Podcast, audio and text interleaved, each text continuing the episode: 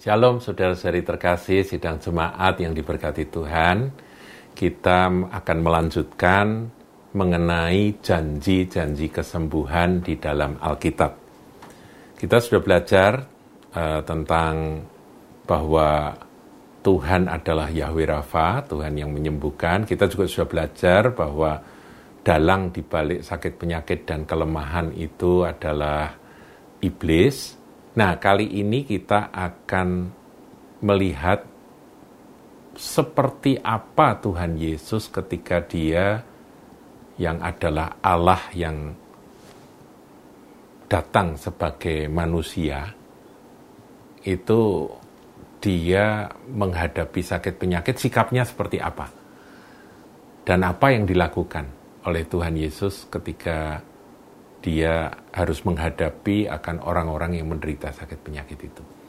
Nah, kita akan lihat, saudaraku, ini menjadi uh, dasar iman kita. Bukankah iman kita itu timbul dari pendengaran akan firman? Iman itu harus berdasarkan firman, saudara. Iman itu tidak berdasarkan apa yang kita pikirkan, apa yang kita bayangkan, berdasarkan khayalan kita. Enggak kita menemukan firman, kita percaya firman, maka iman itu berdiri di sana. Dan iman itu dikatakan oleh Tuhan, percaya itu bisa memindahkan gunung, saudara. Nah, kita akan menyelidiki firman. Nah, mengenai kesembuhan, kita lihat Tuhan Yesus itu mampu menyembuhkan apa saja. Dan pertanyaan yang lebih penting, kalau mampunya ya dia Tuhan pencipta pasti dia mampu ya. Orang mati pun dia bangkitkan. Orang buta sejak lahir pun matanya bisa muncul ya, biji matanya bisa dimunculkan oleh Tuhan. Jadi kalau soal mampu, Tuhan mampu. Tapi pertanyaan yang lebih sering muncul di dalam diri kita adalah Tuhan itu apa mau menyembuhkan? Nah tadi kita sudah belajar kan bahwa kalau ada dosa, ya dosa selesaikan dulu Apakah Tuhan mau menyembuhkan? Mau. Kita nanti buktikan bahwa Tuhan itu bukan hanya mampu, tapi dia juga mau menyembuhkan. Nah, kita lihat saudaraku, berapa banyak orang sakit yang disembuhkan oleh Tuhan ketika mereka itu berduyun-duyun datang, mengerumuni Tuhan dan menjamah Tuhan, begitu ya. Menjamah jubahnya. Nah, jubah itu gambaran dari kuasa Tuhan. kita lihat di dalam Matius 14 ayat 35 sampai 36. Saya bacakan, saudaraku.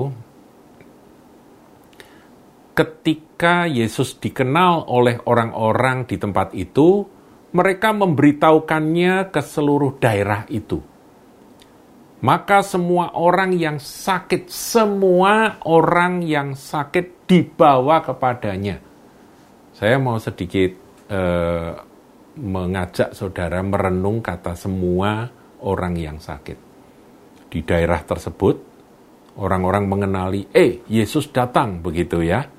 Terus mereka dari mulut ke mulut ngomong, kemudian semua orang yang sakit. Kamu sakit apa? Aku sakit uh, encok. Ayo, ikut. Kamu sakit apa? Aku sakit nafasku sesak, kena COVID gitu ya. Ayo, ikut Siapa lagi? Aku sakit. Ini stroke. Ayo. Aku sakit apa? Sakit flu. Ayo. Sakit apa pun. Aku kanker. Ayo. Semua saudaraku. Semua datang kepadanya. Kepada Yesus. Itu ayat 35.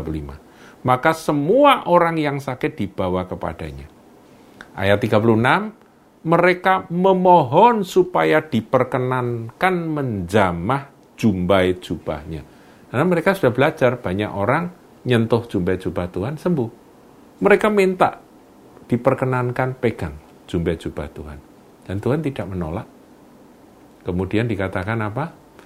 Dan semua orang yang menjamahnya menjadi sembuh ada tertulis, saudaraku. Semua orang sakit dan semua yang menjamahnya menjadi sembuh.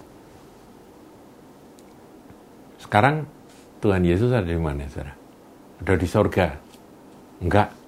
Tuhan ada di sorga, tapi dia juga ada di mana-mana. Dia maha hadir, saudaraku. Di mana ada iman, di mana ada kasih kepada dia, Tuhan ada di sana. Dua tiga orang berhim, berkumpul di dalam namanya dia hadir, saudara. Nah kalau Tuhan hadir, kira-kira jubah-jubahnya ada apa enggak? Maksud saya kuasanya itu ada mana? Tuhan Yesus tidak berubah dari dulu, dulu, sekarang, dan sampai selama-lamanya. Dia nggak pernah berubah. Kasihnya nggak berubah, kuasanya juga tidak berubah. Jadi saudara bisa menjamah jumbai-jubahnya, kalau Anda percaya. Dan sakit apa pun, sembuh. Nah, sekarang kita lihat Matius 9 ayat 35. Matius 9 ayat 35 ini bagus saudaraku. Judul perikopnya belas kasihan Yesus terhadap orang banyak. Saya bacakan satu ayat saja ayat 35. Demikianlah Yesus berkeliling ke semua kota dan desa. Ia mengajar dalam rumah-rumah ibadat dan memberitakan Injil kerajaan sorga. Yang dilakukan Tuhan dan memberitakan Injil kerajaan sorga serta. Nah, ini penting kata serta. Selain Tuhan memberitakan Injil Kerajaan Sorga, serta ini yang dilakukan oleh Tuhan, melenyapkan segala, kata segala garis bawahi, penyakit dan kelemahan. Diulang lagi, penyakit dan kelemahan, kelemahan dan penyakit. Tadi eh, kemarin-kemarin sudah saya saya uraikan tentang bedanya kelemahan dan penyakit. Segala artinya tidak ada yang tidak bisa dilenyapkan. Sakit maupun kelemahan yang ada pada manusia. Itulah kerjaan Tuhan Yesus. Itulah karya Kristus. Dan saya ulangi, Tuhan Yesus tidak berubah. Dari dulu, sekarang, sampai selama-lamanya. Nah, sekarang kita lihat, saudara, tadi kan bicara tentang mampu dan mau tadi ya. Kita lihat sekarang Matius 8. Saya suka dengan ayat ini. Judulnya Yesus menyembuhkan seorang kusta. Ayat 2 ya, secara langsung ayat 2. Maka datanglah seorang yang sakit kusta. Sakit kusta itu penyakit yang tidak bisa disembuhkan pada zaman itu. Ini penyakit kutukan, saudara dianggap orang yang terkutuk. Seorang yang sakit kusta datang kepadanya, lalu sujud menyembah dia dan berkata, Tuan, jika Tuan mau, Tuan dapat mentahirkan aku. Ayat 3, lalu Yesus mengulurkan tangannya, menjamah orang itu dan berkata, Aku mau, jadilah engkau tahir. Seketika itu juga tahirlah orang itu dari kustanya. Ini bukti, saudaraku, bahwa Tuhan bukan saja mampu mentahirkan kusta dari si kusta tadi, si sakit itu, tapi dia juga mau. Makanya Tuhan menjawab, aku mau. Dan dia ulurkan tangan, menjamah orang tersebut, dan menyembuhkannya. Saudaraku, saudara jangan pikir bahwa Tuhan tidak mau menyembuhkan saudara. Dia mau. Jadi, biar ayat-ayat ini membangun iman kita. Dia mampu, tapi dia juga mau. Ibrani 13 ayat 8 yang tadi saya ulang-ulang. Yesus Kristus tetap sama baik kemarin maupun hari ini dan sampai selamanya. Tuhan Yesus memberkati.